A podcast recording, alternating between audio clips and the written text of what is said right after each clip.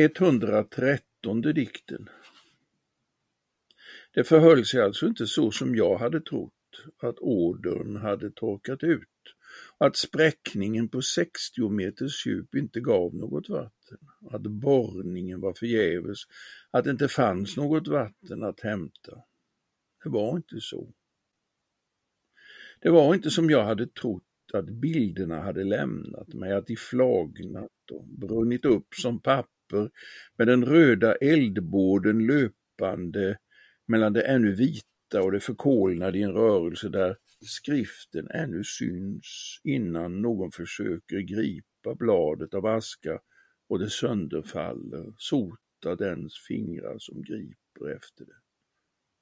Jag är inte säker på att det som stod tryckt var värt att läsas ens före eldens apostrofering. Det är inte mot ådran blicken ska vändas, inte bilderna, inte texterna. Jag vänder mig mot de tomma ytorna, ödsligheten, där jag inte förväntar mig att finna några bilder som teaterkulisser att hivas fram på scenen för att delta i fiktionen med orden som om livet vore en text. De tomma ytorna, ödsligheterna, sandstränderna i november, havsvidderna under natten, parkeringsplatserna på långfredagen då, som det var när jag tappade mjölktänderna en efter en och skämdes för det nya stora och inte ville le på skolfotot i första klass.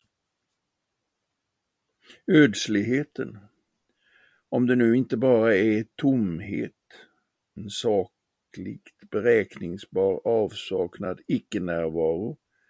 Ingen rörelse, inget som sker, inget som är där på huvudgatan i gryningen i det stålhårda morgonljuset. Där ska det börja igen. Där ska jag finna skärvorna som speglar himlen. Utan anspråk på något annat än att spegla det gråa om det grått det blåa om det är blått.